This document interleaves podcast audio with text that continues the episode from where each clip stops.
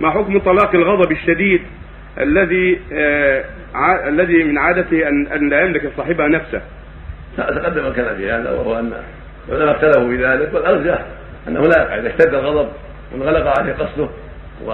ولم يتمالك نفسه وظهرت الأسباب الدالة على ذلك فإن الواقع يكون عنده أسباب يكون معه أسباب تؤيد دعوى شدة الغضب وعدم ذلك. نعم.